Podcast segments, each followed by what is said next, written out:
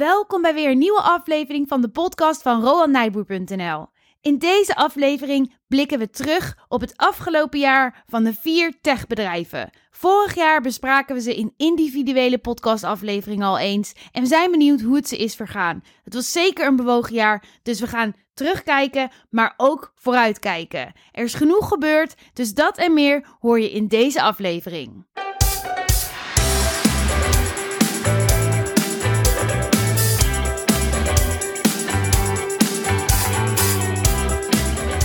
Ja, leuk dat je weer luistert. Mijn naam is Barbara. En ik ben Rowan. Ja, en Rowan, precies een jaar geleden namen we een serie van vier podcastafleveringen op Ja, over de vier big tech bedrijven.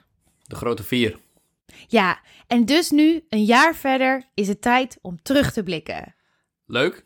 We gaan kijken hoe ze het hebben gedaan en hoe ze zich staande hebben gehouden tijdens die bijzondere coronacrisis natuurlijk. Ik denk dat we, we zitten midden in die tweede golf nog. Dus ik verwacht eh, dat wat dat betreft een soort van het bewogen jaar nog niet voorbij is. Ook voor deze bedrijven niet. Klopt. We gaan volgens mij ook vooruitblikken voor hun. Gaaf. Ja, dat zei jij volgens mij. Ja, dat is wel zo leuk. Mensen willen ook weten wat de toekomst gaat brengen. ja, nou ja, niemand heeft een glazen bol, zeg je altijd. Ja, nee. Nee. Maar we gaan, dus, eh, we gaan het er wel over hebben wat er in het verschiet ligt. En ehm, we gaan vragen beantwoorden via, die via Instagram zijn binnengekomen. En dat, eh, dat zullen we denk ik aan het einde van de aflevering doen. Cool. Dus tijd om terug te blikken. Want we hebben het dan over de big tech bedrijven. Dat in, het, in dit geval is het goed, denk ik, om te verduidelijken waar het dan precies over gaat. Want de vier big tech bedrijven die we hebben besproken vorig jaar, dat zijn Alphabet, Amazon, Apple en Facebook. In alfabetische volgorde. Ja. Je hebt al vaker gezegd, daar horen eigenlijk ook nog wel andere bedrijven bij. Ja, Microsoft hoort er sowieso bij. En eigenlijk ook wel de grote twee Chinese techbedrijven, Alibaba en Tencent, die net zo machtig zijn als die andere vier, vijf. Ehm, maar grote techbedrijven, big tech, daar wordt dan mee bedoeld dat op basis van marktkapitalisatie, dat ze zo veel groter zijn dan andere techbedrijven. Want er zijn natuurlijk duizenden verschillende techbedrijven. En wat, wat is techbedrijf? Is dat, is dat een softwarebedrijf? Is dat, of is dat ook een technologiebedrijf? Ja, want zoals onze eigen Nederlands trots ASML, maar ook een Adyen, horen die daar dan ook bij? Ja, Adyen zou dan een fintech bedrijf zijn en ASML gewoon ook een techbedrijf. Oké, maar wij laten ze buiten beschouwing. Ja, want ze zijn, ondanks dat het natuurlijk fantastische bedrijven zijn, zijn ze heel klein vergeleken met die grote techbedrijven. ASML is iets meer dan 100 miljard waard. En dat is natuurlijk een kleintje vergeleken met de kleinste van die grote vier die ik net noem, waarvan de kleinste rond de 800 miljard zit. En in de voorbespreken hadden we het eigenlijk ook nog over. Die vier hebben ook gewoon ontzettend veel sociale macht. En dat speelt eigenlijk ook wel een rol. Ja, en dat is het voordeel, want die sociale macht, de macht over ons, de consument, die kun je natuurlijk omzetten in klinkende munt. Daar kan je veel geld mee verdienen. En dat is goed voor de aandeelhouders en vandaar ook die hoge waarde. Ja, en dan kun je ook wel heel goed zien van ja, een Adyen en ASML zou je tot big, big tech kunnen rekenen, maar ze hebben niet die sociale impact. Dus dat is in ieder geval al wel een verschil. Nee, ja, Adyen heeft echt concurrenten. Dus die zou nooit de hele markt naar zich toe kunnen zetten. Zoals sommige van die techbedrijven dat wel kunnen. ASML heeft natuurlijk wel een monopolie op die EUV-machines. En in die zin wel indirect macht over de consument. Ja, Maar die markt is gewoon iets kleiner. Waardoor het bedrijf minder waard is. ja, en omdat Facebook en Google en Amazon ons als wereldwijde consument bewerken, ligt er gewoon macht bij. Ja, je zegt het mooi bewerken. Ja, nou, dat is leuk, want het komt vast allemaal nog aan bod, want het was ook een bewogen jaar qua regulatie, denk ik. ja Gaan we het dus ook nog over hebben? heel actueel de laatste tijd. Ja. Oké, laten we beginnen en laten we in die. We gaan het dus over die vier hebben. Laten we erin duiken. ja.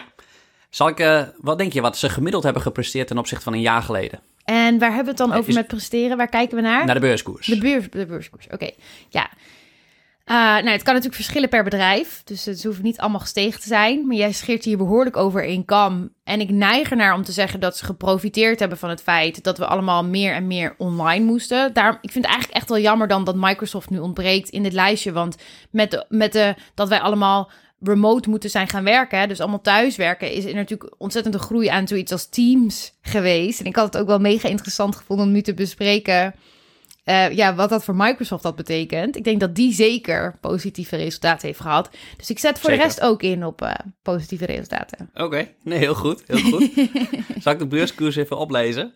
Ja, dan wil je dus zeg maar van november vorig jaar hebben we het dan dus over Ja. en dan november nu. Ja. Ja, als je me nou vorig jaar geeft, dan eh, doe ik er wat bovenop. Hoe bedoel je? Als jij mij geeft dat de beurskoers vorig jaar was, dan doe ik een gokje naar wat de beurskoers nu is. Oké, ja, ik heb alleen de percentages even uitgerekend, dus ik weet niet alle beurskoersen meer. Oh, oké. Maar goed, eh, zal ik de percentages allemaal geven? Ja, geef Eh, het maar weg. Alphabet, 37% stijging. De kleinste stijging. Be- bedoel je dan echt dat als je vorig jaar in november in Alphabet had geïnvesteerd, dat je nu 37% rendement had? Ja, ja. Want ze betalen geen dividend, dus eh, ik, dit zijn alleen de koersstijgingen. Ik wil je, en dit is de kleinste stijging, zeg je. Ik wil je dan hier nu toch even. Je zegt altijd in de podcast. Die bedrijven, dat is ontzettend moeilijk om je nog ontzettend veel te groeien. Omdat ze al zo groot zijn en ze al zo'n grote markt bezitten, is het voor hun onwijs moeilijk om dit soort percentages te halen. Eh, ja, zeker, zeker. En ik denk ook, als corona er niet was geweest, dan hadden deze bedrijven ook niet zulke percentages laten zien. Zeker eh, een Amazon niet bijvoorbeeld. Ja, ik vraag me af in de zin van ja, misschien is het nu met een klap gekomen. Hè? In één keer hebben ze zo'n stuk gepakt. Maar ik denk, dit is een soort van trend die door corona nu in een stroomversnelling is gekomen. Maar één die uiteindelijk sowieso had plaatsgevonden binnen de komende jaren. Dus Ja. dan was dat rendement dan niet alsnog gemaakt? Ja, dat was wel gekomen, zeker. Maar dat duurt dan langer. En dan krijg je bijvoorbeeld een paar jaar met een, eh, ik noem maar een, een 15% stijging van de beurskoers. Ja, dat willen we niet. Nee. nee. nee. Dus dat, dit wordt heel erg naar voren gehaald. En dat is natuurlijk, en misschien wel permanent zo. Dus het bedrijf is permanent gewoon echt daadwerkelijk meer waard, omdat die verschuiving van offline naar online echt gewoon een paar jaar naar voren is gehaald. Want wij hebben die bedrijven een jaar geleden niet zomaar uitgekozen. We hebben niet gekozen per se. We hebben dat vanuit een educatief perspectief gekozen. Omdat dat grote bekende bedrijven zijn en iedereen ze kent. En dat vind ik altijd de voorwaarde voordat je een aandeel koopt. eh, dat je het bedrijf kent, anders kom je voor negatieve verrassingen te staan. Dat je het gewoon echt begrijpt hoe het bedrijf zijn geld verdient. En daarom hebben we die vier gekozen. En ook met het oog op de lange termijn. Dat dat wel hele interessante bedrijven zijn. Ook dat daar grote risico's zijn. Maar onder meer op het gebied van waardering. Daar hebben we denk ik in die podcast wel aandacht aan besteed. Dat de waardering bij die bedrijven ook wel een beetje hoog was. Ondanks dat dat nog wel meeviel. Want ik, ik, ik had er ook een aantal in portefeuille. Welke had jij in portefeuille? Ik had toen nog? Facebook en eh, Alphabet. Heb je die nog steeds? Facebook niet meer. Maar wel Amazon. Die heb je inmiddels gekocht. Ja, en corona. Oké, dus van de vier big tech had je vorig jaar twee, heb je er nog steeds twee, maar in plaats van Facebook heb je nu Amazon. Ja, Oké, ja. Ik, eh, ik wilde niet te veel hebben, omdat er ook regulatierisico is. Daar komen we straks vast op. Dus als die regulatie heel erg streng wordt, dan wil je ze liever niet alle vier hebben. Althans, ik niet. en ben ik heel benieuwd, hoe zie je dat dan als belegger? Ja, die beurskoers die staat nu in één keer veel, veel hoger. Dat is dus iets wat je zou kunnen zien als dat heb je gemist als belegger, dat die kans zich voordeed. Hoe reflecteer je daar nou op? Hoe ga je daar nou mee om en hoe probeer je daar dan iets van te leren? Of zeg je, ja, dit is een toevalstreffer. Wat doe je daarmee? Goeie vraag. Ja, ik, ik, denk, ik denk tweeledig. Eén, een toevalstreffer, want ik had corona niet zien aankomen. Dus daar heb je dan, als je wat van die aandelen hebt, heel veel geluk mee. Daar valt niet zoveel op te reflecteren. Alleen, de kunst is om dan niet te zeggen, dat was heel goed van mij, dat was heel slim van mij. Een deel daarvan is gewoon geluk door corona. Een ander deel is omdat de tech versnelling er echt is. We gaan veel meer tech gebruiken, dat, je, dat ik me als belegger veel meer wil verdiepen in die sector. Dus de afgelopen maanden ben ik heel erg bezig om, om de chipsector bijvoorbeeld te leren kennen. En daar bestel ik dan gewoon heel veel boeken over. Dus dan ga je lezen en verder leren eigenlijk. Ja, ja, ja. En dat is heel leuk. Ook over AI en zo. Want daar zijn die bedrijven allemaal heel erg mee bezig. En dat konden ze heel erg aan in hun kwartaalcijfers. Maar daar zie je nog niet zoveel van terug in de resultaten. Maar ze zijn er allemaal zo lovend over. Dus ik wil begrijpen hoe zit dat dan? En valt daar in de toekomst daadwerkelijk heel veel geld mee te verdienen? Of is dat nog veel verder weg dan wij de- dat wij misschien denken? Denk je dat ze het komende jaar weer zulke resultaten kunnen laten zien? In 2021? Ja? Qua- Als wij zeg maar volgend jaar in november weer een podcast opnemen waarin we terugreflecteren, eh, hebben ze dan weer zulke rendementen kunnen laten zien? Dat zou kunnen, dat zou kunnen. Ik denk dat het lastiger is. Eén, omdat ze nu dus al veel hoger staan en in die zin ook alweer hoger gewaardeerd zijn. En Twee, dat de regulatierisico misschien groter gaat worden. En drie ook, ja, sluit aan bij maar doordat ze al zo groot zijn en met z'n vieren bijvoorbeeld al 20% van de volledige Amerikaanse S&P 500-index beslaan, als ze nog een keer zo gaan stijgen, dan gaan ze gemiddeld dus 50% stijgen. Dan zitten ze op 30% van de hele Amerikaanse beursindex. En uit het verleden blijkt dat als sectoren een heel groot deel van de economie gaan uitmaken, van de beurs. Bijvoorbeeld de banken in 2007, die waren een heel groot deel van de economie. En toen kwam de crisis. En veel eerder had je dat ook in de oliesector, als dat dan steeds groter werd. Natuurlijk geholpen door een hogere olieprijs, want je moet altijd zoiets mee hebben. Ja, dan gaat dat op een gegeven moment de andere kant op. En je krijgt dan in beleggerstaal, heet dat uh, regressie naar het gemiddelde. Als iets een tijd lang te hard heeft gegroeid, ook door een aantal psychologische factoren, want iedereen ziet dat die bedrijven heel machtig zijn en dat ze wel heel veel geld gaan verdienen. Ze groeien heel hard, de beurskoersen stijgen heel hard, iedereen is blij in die aandelen, dus iedereen houdt ze, mensen kopen bij. En dan is dat een zelfversterkend effect dat die markt steeds groter wordt. Ik wil het geen bubbel noemen, maar dat die ballon steeds groter wordt. En dan op een gegeven moment loopt dat er een beetje uit. En dat zal een keer plaats moeten gaan vinden. Ik, misschien gaat dit nog veel langer door. Dat het komende jaar, twee jaar, drie jaar ook nog steeds best wel hoge groeipercentages zien zijn. Maar het kan niet uh, tot in een eeuwig uh, doorgaan. En hoe langer het al bezig is, hoe groter de kans dat er snel een einde aankomt. Maar er komt toch voorlopig nog geen einde aan tech? Nee, dus de omzet van alle techbedrijven, ja, die gaan de komende jaren door het dak. Dat blijft stijgen. Alleen op die omzet, de waardering is daar ontzettend op vooruitgelopen. Kijk, als de omzet tien jaar lang met 20% stijgt en die beurskoers is dit jaar met 1000% gestegen, ja, dan heb je al die omzet voor de komende tien jaar eigenlijk nu al gepakt, geïncasseerd. Oké, dus dan moeten we het eigenlijk ook hebben over de stijging die de beurskoers heeft gedaan. Is dat een eerlijke stijging ten opzichte van de waarde die ze dit jaar hebben gewonnen? Ja, door de stroomversnelling waar we met z'n allen in het, de stap naar online in terecht zijn gekomen door corona. Ja, ik zit nu even naar de percentages te kijken, want we hebben alleen alfabet natuurlijk. Verder kwamen we niet. Oké, oké, we gaan even terug dan. We hadden alfabet gezegd 37% gestegen, zei je? Ja. En dan uh, op de tweede plaats uh, Facebook met 48%. Oké. En dan op nummer 2, en bijna ook nummer 1 hoor, maar Apple op nummer 2 met 80% en Amazon 81%. En ik denk dat als je het hebt over of dat terecht is dat ze zoveel gestegen zijn, dat dat voor Amazon meer dan terecht is. Want die profiteren natuurlijk volle bak door twee activiteiten die ze doen: hun uh, e-commerce activiteiten, gewoon hun winkel en ook hun cloud tak. Ja, en die, die krijgen de wind van voren. Uh, in de rug. die ja, hebben er ja, mee. Ja, ja, ja, ja, ja, die profiteren, ja. ja. Oké. Okay.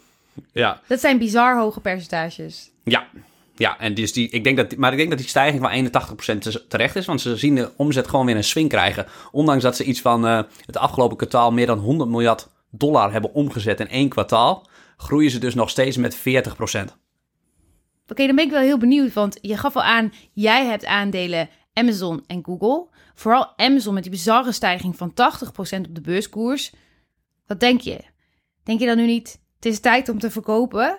Ja, je krijgt wel hoogtevrees, dat moet ik wel zeggen. Maar uit het verleden heb ik zo vaak geleerd dat als je van die sterke bedrijven hebt die nog heel lang de omzet en winst heel hard kunnen zien groeien en een hele sterke machtspositie hebben, dat je die het beste gewoon, gewoon kan houden. En ik heb ook met mezelf met Amazon gewoon afgesproken dat ik daar de komende tien jaar niet weer naar kijk. Oké, dus eigenlijk kunnen we pas over tien jaar weer een echte podcast maken over en nu. ja, ja, ja, maar ik, ik hou trouwens wel een aantal dingen in de gaten. Regulatie op dat gebied, want dat kan de beleggingspropositie echt kapot maken. Ja, ik wil even vragen, want um, regulatie snap ik, gaan we het zo nog even over hebben. Maar geldt het ook voor Amazon? Ja, wel in de zin, want elk bedrijf heeft natuurlijk zijn eigen regulatieproblemen. Amazon bijvoorbeeld uh, wordt bekritiseerd omdat hij zijn uh, wederverkopers, dus mensen die via Amazon willen verkopen, dat hij, die, dat, die, dat hij in ieder geval die buitensluit. Ze kijken bijvoorbeeld of een product goed loopt. Dat hadden ze bij Duracell bijvoorbeeld gedaan, dat die batterijen liepen als een tierenlier. Nou, toen ging Amazon, dat hebben ze natuurlijk, die data hebben ze, hoe goed iets loopt. Dan gaan ze hun eigen batterij maken. En die dan natuurlijk op de meest gunstige plekken laten zien aan jou als klant. Ja, exact. En dat je ja, jezelf uh, voorop stelt. En uh, nou ja, ik denk als dat straks niet meer zou mogen, dat het nog steeds een heel machtig platform is. Want als je eenmaal de grootste bent, dan uh, ja, wie komt op, op dat gebied daar nog tussen? Oké, even terug naar de beurskoersstijgingen waar we het over hadden. Sorry als het een beetje een chaotische podcastaflevering is. Ehm, we zagen dat Google en Facebook Ja, niet zo hard gestegen zijn als de bizarre stijging die zowel Amazon als Apple hebben laten zien. Ja. Waarom is dat? Facebook en Alphabet doen het inderdaad dramatisch met 37% en 48% stijgingen. Ehm, ja, dat heeft vooral met het eh, economische model te maken. En eh, ze verkopen allebei, eh, ja, 95% van hun omzet zijn advertenties. En die storten natuurlijk wel als eerste in als de economie slecht gaat. Dus die bedrijven hebben de omzet en winst ook niet zo hard zien stijgen. In Q2, het slechtste kwartaal trouwens, eh, heeft Facebook nog steeds wel zijn omzet zien stijgen. Met 12%. Ten opzichte van... Met ten opzichte van hetzelfde kwartaal in 2019. Oké. Uh, en Google bleef rond de 0% hangen. Dus die bedrijven werden wel degelijk hard getroffen. Niet zo hard als een Amazon, die hun omzet juist ziet versnellen. En Apple, die hun winst bijvoorbeeld niet kapot ziet gaan in dat kwartaal. En in die zin heel vatbaar is door hun, niet vatbaar is door hun sterke ecosysteem. Maar die advertentiebedrijven, die zijn wel degelijk, ja, die zien wel degelijk hun omzet en winst een beetje onderuit gaan in verhouding met de groei van het verleden. Nou is die dit kwartaal bij beide bedrijven weer heel erg opgepakt. Maar daardoor is die stijging dus wat minder. Buffett, die zal wel uh, heel blij zijn hè, met die stijgingen die uh, vooral Apple heeft laten zien. Ja, ja, ja, ja. Buffett die heeft meer dan 40% van zijn aandelenportefeuille in aandelen Apple. Dus die, uh, die is daar hartstikke blij mee. En ja, de jaren daarvoor is het ook heel, heel hard gestegen. Dus dat is een van de beste beleggingen die hij heeft gedaan. En daarom, doordat Apple zo goed heeft gepresteerd... en zijn andere bedrijven wel wat minder... is Apple zo groot deel in zijn portefeuille geworden. En het mooie aan Buffett vind ik dat hij hem dan gewoon houdt. Dat die positie dus 40% van zijn aandelenportefeuille uitmaakt. en dan niet dat gaat afschalen en zorgt dat dat weer ja. in evenwicht komt. Hij zegt gewoon, dit is een goede belegging, ik blijf erbij. Ja, ja, en hij heeft zoveel klassen en zoveel ervaring... dat hij gewoon accepteert dat je zoveel concentratie in één positie hebt. Want hij, er was wat kritiek op hem volgens mij... dat hij het niet zo goed gedaan had de afgelopen jaren. Klopt, dat hij de index niet verslagen heeft, ja. Maakt hij dat dan nu goed? Uh, nee, niet per se. Wel dat hij misschien in corona dan wat minder schade oploopt. Maar hij heeft gewoon zo'n nadeel, omdat hij zo groot is. Zijn bedrijf is 500 miljard waard en hij heeft een cashpositie van 125 miljard dollar. Waar hij niet zoveel mee kan in deze markt. Ja, ik vind het altijd fascinerend dat in mijn uh, niet-beleggersbrein moet dat altijd even landen. Maar het betekent dus dat als jij 125 miljard ergens instopt, dan zijn er heel veel bedrijven die koop je gewoon meteen. Ja. Dus als je daarin gaat investeren, al, al investeer je daar een luttel miljardje in, ja. dan heb je het bedrijf opgekocht. En dat is natuurlijk niet wat hij wil. Hij wil gewoon een klein stukje eigenaarschap. Ja. Maar dat gaat gewoon niet. Ja, ja, ja klopt. Dan klopt. moet hij dus eigenlijk gaan beleggen in, nou ja, honderden bedrijven om dat geld te spreiden. Maar ja. Dat is de markt. Dan kan, die kan je die de markt dan niet meer verslaan, omdat je zoveel verschillende koopt. Dan ben je weer de markt. Ja, ja, ja dan ja. ben je weer een index met veel spreiding. Ja. Ja, en hij neemt minder risico, want hij wil sowieso niet alles verliezen. Dus vandaar ook dat hij in coronatijd niet massaal zijn geld aan het werk zet. Want hij wil niet dat zijn bedrijf failliet gaat. En de onzekerheid was toen wel degelijk heel groot. Dus dan wil je nog gewoon voor de zekerheid uh, genoeg geld op de bank houden. En daardoor heeft hij toen niet al zijn geld, denk ik, aan het werk gezet. En het stel kwam zo snel dat je dan ook alweer te laat bent. Ja. En ja, Buffett heeft al eens gezegd tijdens een aandeelhoudersvergadering... ik raad iedereen die aandeelhoudersbrieven aan om te lezen trouwens. Dat is echt super vet, heel leerzaam en ook heel toegankelijk voor een belegger. Als je dat vergelijkt met een gewoon jaarverslag van een bedrijf... en een um, CEO-letter, zeg maar... dan is dat echt een verrijking. Gewoon echt puur geschreven om te leren. Zullen we dat in een, uh, in een blogje, in een link naar, uh, op onze website neerzetten? Dat, uh, waar je die aandeelhoudersbrieven precies kan vinden... en even een klaar, paar kleine aantekeningetjes van wat er zo leuk aan is. Ja, is goed. Doe jij dat? Ja. Oké. Okay. ja.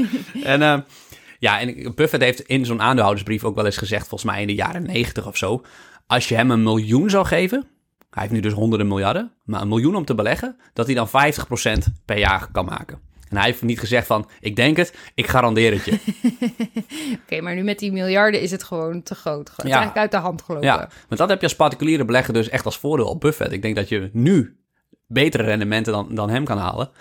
Omdat ja, jij kan dus wel op zoek naar die kleine parels die er zijn. En daar een mooie belegging in doen zonder dat je het bedrijf overneemt. Ja, ja precies. Ja. ja. Oké, okay. laten we weer terug naar het onderwerp gaan. Um, iets wat we in alle vier de bedrijven hebben genoemd was regulatie. Ja. En wat zagen we dit jaar? Er werden regulatiemaatregelen genomen. Althans, nog geen maatregelen, maar ik vind dat er wel echt iets in werk is gezet op het moment dat zulke hoge pieven zich gaan bemoeien met die vier techbedrijven en dat die CEO's op het matje worden geroepen en door zulke belangrijke mensen worden verhoord. Daar, daar zit dus heel veel geld op dat moment. Hè? Als je die mensen per uur moet gaan betalen, dan is dat Ja, een hele ja, dure ja. vergadering. Ja, dus, dus da- dat is wel serious business. Dat doe je niet alleen voor de schijn, denk ik. Eh, dat, die verhoren. Ja, Ja, nou, ik denk dat dat wel voor de schijn is. Vooral voor het Amerikaanse publiek. Om eh, het aan de kaak te stellen. En kijk nou, dit zijn, eh, dit zijn toch boeven. Die gaan we aanpakken. Dat je, want je wil uiteindelijk eh, de steun van het volk. Want als het volk het niet steunt om Big Tech aan te pakken... ja, dan gaat het niet gebeuren. Dus in die zin is dat wel echt een beetje voor de buren. Maar achter de schermen, er spelen zoveel... dat het Department van Justice heeft Google echt recent aangeklaagd. Dus dat ben je, dan word je echt een, als een crimineel bedrijf beschouwd misschien wel. Nou je ziet nu ook wel dat bedrijven zich toch ook wel er bewuster van worden. Dat was laatst, was er zo'n voorbeeld met zo'n, eh, volgens mij een gamebedrijf? Ja, je bedoelt misschien dan eh, met Apple en Epic. Epic is de maker van Fortnite, eh, een van de meest populairste games ter wereld. Die uit de App Store geband zijn. Dus ze kunnen dan niet meer nieuwe games aantrekken en geen betalingen meer ontvangen. Omdat ze dat willen omzeilen. Omdat Apple dus 30% van elke betaling in elke app in zijn App Store ontvangt. Ja, En daar is natuurlijk ook heel veel kritiek op dat ze daarin extreem machtig zijn. Want ze zijn echt een poortwachter. Als je een app wil produceren en dat kan alleen maar, daar kan je alleen maar geld aan verdienen in de App Store of in de Play Store van Google. dit hebben we natuurlijk zelf in onze eigen portemonnee kleinschalig gevoeld. Want wij boden onze online beginnerscursus voor als je wilt beginnen met beleggen.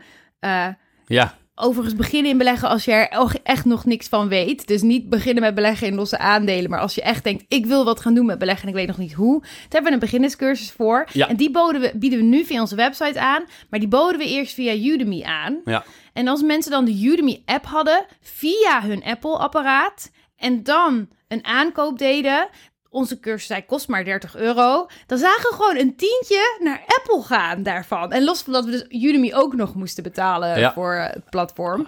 En eh, nou, ik dacht altijd, jullie doen helemaal niks voor die cursus en jullie snaaien er gewoon een tientje tussenuit. Dat, is, dat voelt bizar. Ja. En dat is bij ons dan heel kleinschalig. Ik kan me voorstellen dat bij Fortnite, het grootste spel ter wereld in die zin, ja, dat gaat eh, om miljoenen. Ja, ja dat gaat om al tientallen miljoenen. Ja, Doet Apple niks voor en harken ze zo even binnen. ja, ja, Ja, ja, dat, is, dat is een lekker verdienmodel. Ja, Ja. oké. En dat voelt natuurlijk eh, onterecht. En dat, ik, ik vind dat persoonlijk ook onterecht dat je daar 30% eh, pakt. Dat vind ik erg wel te veel als je zo machtig bent. Dus ik sluit niet uit dat Apple dat in de toekomst vrijwillig omlaag gaat brengen. Nou, ik vind het wel mooi dat zo'n bedrijf als Epic daar dan eh, eindelijk eh, ja, tegen in opstand komt eigenlijk. Ja, ja.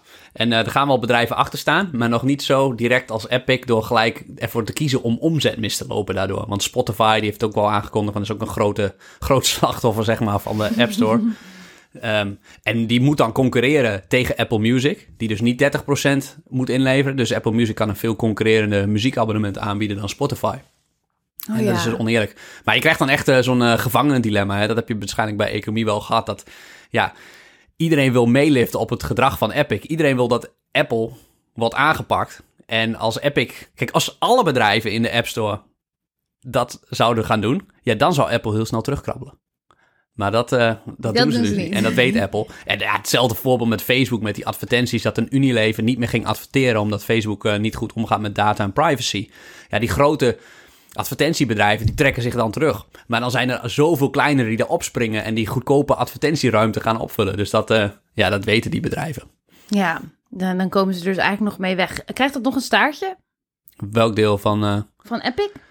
nou, ja, ik weet niet. Ja, het, het ligt nog bij de rechtbank en dergelijke. Dus eh, dat gaat ongetwijfeld een staartje krijgen, ja. En zou, dat, zou zoiets ook al kunnen leiden tot regulatie?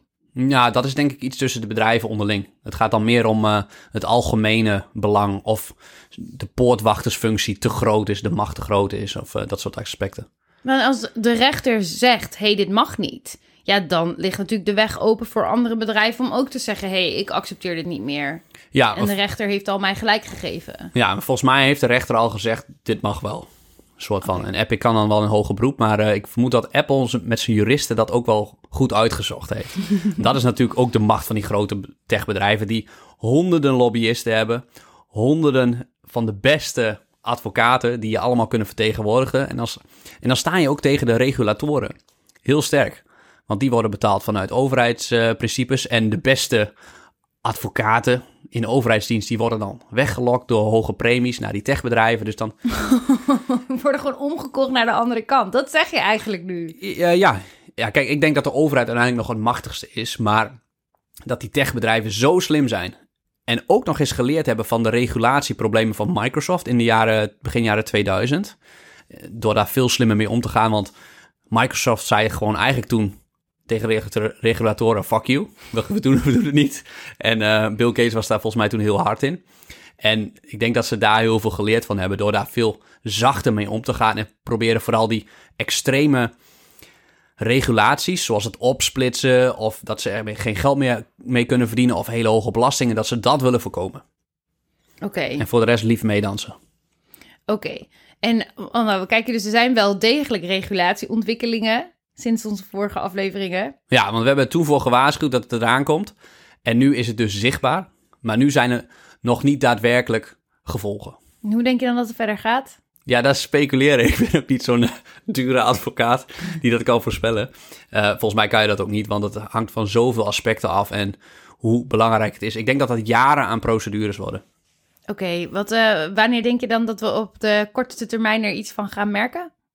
Ja, weet ik niet. Ik denk dat er continu alles wat uit wordt gesteld. Misschien over uh, twee, drie jaar dat er wat dingen zijn. Maakt het nog uit wie de presidentsverkiezingen gaat winnen? Ja, dat, dat, maakt bijvoorbeeld zeker uit. Want we weten nu op dit moment niet, want we nemen het op op de donderdag. Uh, ja, morgen komt deze aflevering online. Ja, ja. En uh, we weten ja, nu... We hebben nog even gekeken voor we gisteren naar bed gingen. En uh, ja, toen was het echt nog onbeslist. Ja, ja en beide ligt iets voor. Wat al wel duidelijk is, is dat er geen blue wave komt. Geen blauwe golf met alleen maar democraten aan de macht. Niet alleen als president, maar er zijn ook republikeinen aan de macht. En daardoor, doordat ze beide aan de macht zijn waarschijnlijk... Biden, beide, dat zei hij. Dat, zei dat was zo'n opmerking. Ja, ja, mooi was dat. Dat was van Marijn. Ja. En uh, daardoor is het veel moeilijker om extreme regelgeving wijzigingen door te voeren. Omdat republikeinen dan bijvoorbeeld voor een voorstel gaan liggen. En dan kan je niet grote wijzigingen doen. En daarom stegen die techbedrijven gisteren met gemiddeld 7%. Eigenlijk worden ze dus nu ingedekt tegen regulatie. Zelfs als Biden wint, dan zijn ze dus de komende vier jaar een soort van ingedekt. Doordat geen van beiden echt overhand heeft in de politiek. Ja, exact dat, ja. En dan kun je veel moeilijker beslissingen nemen. Oké. Dus um, in die zin maakt het dan nog uit als het Trump wordt? Ja, nou, Trump wil, wil ze bijvoorbeeld niet opsplitsen. Oké, dus eigenlijk, eigenlijk was het dus een echt signaal van het zit nu sowieso goed. Want er zijn te veel republikeinen dat Biden al niet heel veel kan beginnen op dit moment. Ja, dat is althans de interpretatie van beleggers. Ja, ja oké. Ja. ja. Klopt. Nou, dan um, resteert ons nog om ook nog even naar de toekomst te kijken voor deze vier. Leuk. Wat, is, wat is je toekomstverwachting voor ze? Nou, mijn verwachting is, en dat hebben we volgens mij toen ook wel uitgesproken, dat deze bedrijven zijn alleen te stoppen door regulatie. Dus als die regulatie heel weinig gaat zijn, ja, dan gaan ze ook de komende tien jaar prima presteren. Maar ik denk wel, overheden gaan het niet toelaten dat deze bedrijven over tien jaar in één keer 50% van de totale beurswaarde gaan uitmaken. En als ze de markt blijven verslaan de komende tien jaar, ja, dan gaan ze wel uiteindelijk 50% van de beurs omslaan. En dat kan gewoon niet. Dat, ik kan me niet voorstellen dat overheden daarmee akkoord gaan. Dus ik denk dat dat is het, nog steeds het grote risico. En nog, nog een groter risico omdat de beurskoersen nu een stuk hoger zijn en ze dus hoger gewaardeerd zijn.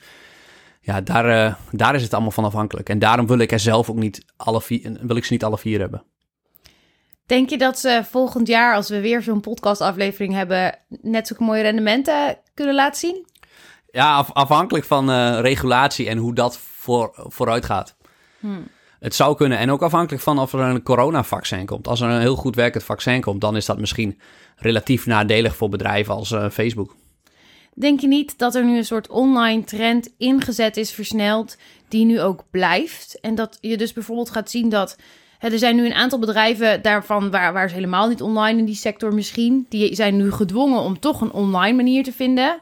Misschien hebben ze dan nu nog steeds wat concurrenten die niet online zijn. Maar doordat zij zo meteen efficiënter en makkelijker kunnen werken door online, gaan ze die concurrenten verslaan. Waardoor die concurrenten gedwongen worden ook nog online te komen. Dus denk je niet dat het gewoon nu een soort, ja, echt een soort vloedgolf is die in beweging is gezet en die ook het komende jaar gewoon nog doorzet? Omdat we alleen nu nog maar gezien hebben dat de mensen die snel kunnen aanpassen, de bedrijven die snel kunnen aanpassen, dat die de online, het online stukje al hebben meegepakt en dat dit dus nu nog even door gaat zetten. Omdat die trage bedrijven wat later komen, hè? Nog? Ja, omdat die nog moeten gaan voeden dat ze ook als alle corona en zeker hier in Nederland qua steunpakketten en zo, als dat allemaal uh, wat gaat liggen, dat ze gaan voelen van op eigen kracht, uh, dat je gewoon echt online moet zijn om mee te komen. Ja, dat denk ik wel. Dat het dus nu een online beweging in gang gezet is die nog helemaal niet volledig getransformeerd is, maar die wel onze economie dwingt om dat te gaan doen. Simpelweg omdat ze anders achterblijven. Ja, nee, het is een megatrend die uh, nog niet uh, op afzwakken staat. Zeker. Neem niet weg dat ik de hele tech-industrie, waar ook heel veel andere wat kleinere bedrijven zo hard zijn gestegen, dat ik dat gemiddeld wel, dat ik die gemiddeld wel overgewaardeerd vind. Hm. Ja, dan komen we weer op het onderwerp techbubbel uit. En laten we ons daar deze podcastaflevering maar niet aan branden. um, Oké, okay. volgens mij gaan we naar de vragen. Tenzij je nog iets toe wil voegen. Dit is je kans. Nee, leuk. Oké. Okay. Zijn we toch op Facebook uh, aangewezen weer voor die vragen? Wij zijn ook afhankelijk. Ja, we zijn ook afhankelijk. Het is toch wat? Het is toch wat? Oké, okay, ik heb ze er even bijgepakt. En de eerste vraag die ik zie is... Waarom is het aandeel Berkshire de koers daarvan in 2019, 2020 gelijk gebleven, terwijl Apple over de kop is gegaan. Ja, Berkshire Hathaway, het bedrijf van uh, Warren Buffett dus. En je zou denken als Apple uh, over de kop gaat, zoals die stelt, dat Berkshire Hathaway daar ook gigantisch van moet profiteren. Omdat wij zeiden net al dat, dat Apple 40, 50 procent van de portefeuille van Buffett uitmaakt. Dat heeft te maken deels omdat uh, beleggers nog minder vertrouwen hebben in Buffett waarschijnlijk, omdat hij in de crisis niet zijn geld aan het werk heeft gezet. En dat was wel de verwachting, die grote cashpositie. En in die zin dat beleggers ook denken, omdat Buffett best wel veel in financiële instellingen zat, en ook in vliegtuigmaatschappijen, eigenlijk telt dat, dat niet echt. Dat was echt een marginaal deel van hun positie, maar dat wordt wel door beleggers waarde aangegeven en dat hij iets van zijn glans heeft verloren. En dat daardoor mensen minder die aandelen Berkshire Hathaway kopen en daardoor dat hij niet echt van zijn plaats komt. En er is ook een factor dat Berkshire Hathaway heeft, heeft honderden bedrijven onder zich. En heel veel van die bedrijven worden ook daadwerkelijk getroffen door corona. En een hele belangrijke factor is, uh, Berkshire Hathaway bestaat niet alleen uit de beleggingsportefeuille van Buffett. Dat is een derde, misschien iets meer. Daar zit ongeveer 200 miljard dollar in. Maar een ander deel zijn alle dochterbedrijven. Zoals uh, Seas Candies of uh, Dairy Queen. En ook energiebedrijven en heel veel verzekeringsmaatschappijen zoals Geico en een energiebedrijf zo groot als BNFS. Doet er verder natuurlijk helemaal niet toe. Maar er zijn heel veel andere belangen in Berkshire Hathaway die niet beursgenoteerd zijn. Dus Apple lijkt heel zwaar te wegen in zijn portefeuille, 40, 50 procent. Maar op het hele bedrijf is het misschien maar 15 à 20 procent. Dus die stijging van Apple heeft slechts een, voor een klein deel effect op het totale bedrijf. En dus ook op de beurskoers. Ja, en ook zeker omdat hij dus in zijn fysieke bedrijf, om het zo maar te zeggen, echt getroffen wordt door corona. Ja, bij een heel aantal bedrijven wel, bij een heel aantal ook niet. Laten we hier binnenkort een uh, podcast over maken om dit uh, Warren Buffett en Berkshire Hathaway uh, mysterie te ontrafelen. ja, is goed, is goed, leuk. De volgende vraag is, um, gaat dit bedrijf splitsen in verschillende bedrijven? Dat zal dan gaan om een van de big tech, denk ik. Ja. Wat denk jij, gaan er splitsingen komen of niet? Ik, ik vind het moeilijk. Ik, uh... Oké, okay. dames en heren, dit is geen advies. Maar waar zet je op in, Rowan? Ja of nee? Ik denk dat er voorlopig geen splitsingen aankomen. Wat is voorlopig? Ja, de komende jaren. Ik kan me niet voorstellen. Wat zijn de komende jaren? Uh, de komende vijf jaar gaat zo'n splitsing er nog niet zijn. Oké, de voorspelling van Rowan valt niks aan te ontlenen, is pure speculatie. Roman zegt de komende vijf jaar gokt hij van niet. Als je er anders over denkt, laat het ons dan weten. Dat vinden we superleuk. Geef ja. wel even goede argumentatie natuurlijk, want anders worden we niks wijzer. Krijgen we wel eens niet dus. Ja, en ik denk wel dat bijvoorbeeld een bedrijf als Google en Facebook eerder gesplitst gaan worden dan een Apple en Amazon. Oké. Dus dan zet je erop in dat als er het gaat gebeuren bij een van die twee. Ja, want bij Facebook is er bijvoorbeeld een hele goede reden. Sorry, mag ik, mag ik nog? Nou, we zitten een beetje met de tijd. Dit gaat allemaal zo lang duren. Ja, bij Facebook is er, is een reden om te splitsen, want ze hebben een monopolie op social media. En dat kan je heel makkelijk voor een deel opsplitsen door, opsplitsen door Facebook en Instagram en WhatsApp en Facebook Messenger los te trekken. Ja, En dan ben je daar al klaar mee. Ja, Net als met voelt Facebook. heel opsplitsbaar. Ja, net Maar ja, dat zal Facebook natuurlijk niet zo zien. Nee, nee, nee, dit is allemaal één, eh, één grote familie. Goed, volgende vraag. Is het nog de moeite te investeren in de gevestigde big tech zoals Facebook, Apple enzovoort? Ja, dat hebben we eigenlijk al zijdelings eh, behandeld. Ik denk dat als de regulatie meevalt, dat de bedrijven gemiddeld heel aantrekkelijke belegging zouden zijn. Ik zou nooit eh, alle vier tegelijk kopen, omdat je dan te veel risico op regulatie loopt. En als corona heel erg meevalt, straks wordt de wereld weer normaal, dan loop je daar ook een groot risico met dat, dat de waardering er gewoon wat uitloopt. Omdat er gewoon de koers-winstverhoudingen in vergelijking met de groei die ze nog kunnen meemaken, want ze zijn wel echt heel groot. Hè? Hoeveel in de omzet kun je nog groeien als de wereld straks weer normaal wordt? Ja, maar de fundatie van het bedrijf is goed. Dus ook voor de toekomst ligt de fundatie goed. Dat is wel altijd iets waar je naar kijkt. Ja, Als- En dan is de waardering ontzettend belangrijk. En ja, die is gewoon nu aan de hoge kant. En dat is nog het enige puntje van zorg. ja, en regulatie. Dan hebben we nog de volgende vraag. Is Big Tech niet wat overschat? Ja, dus het ligt wel in het verlengde, denk ik, van die andere. En wat zal diegene met overschat bedoelen? Dat ze toch niet zo machtig zijn als... Ja, eh, of dat inderdaad, dat hun invloed en wat ze allemaal betekenen voor de wereld en kunnen doen, of dat niet wat opgeblazen is? Nou, ik, vind, ik denk dat ze niet meer overschat zijn in, in dat ze charmante bedrijven zijn.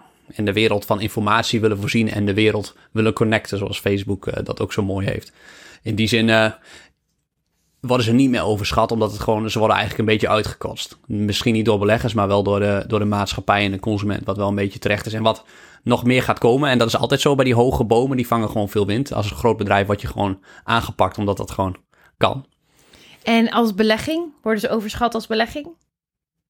Ja, ik denk dat een gemiddeld gevaar is bij beleggers dat je denkt, oh, ik moet in tech-aandelen zitten, want die gaan nog heel hard groeien. En groei leidt niet per se tot goede beleggingsresultaten. Dat is afhankelijk van de waardering die je voor dat aandeel betaalt. En dat wordt vaak vergeten. Oké, dat waren dan eh, de vragen die we via Instagram hebben binnengekregen. Heb jij nog wat toe te voegen, Roan? Nee, ik heb ook geen vraag. Nee, ik heb ook geen vraag. Oké, dan is het eh, afronden. Dan wil ik iedereen heel erg bedanken voor het luisteren. Ja, en tot de volgende keer. Tot de volgende keer. Tot ziens.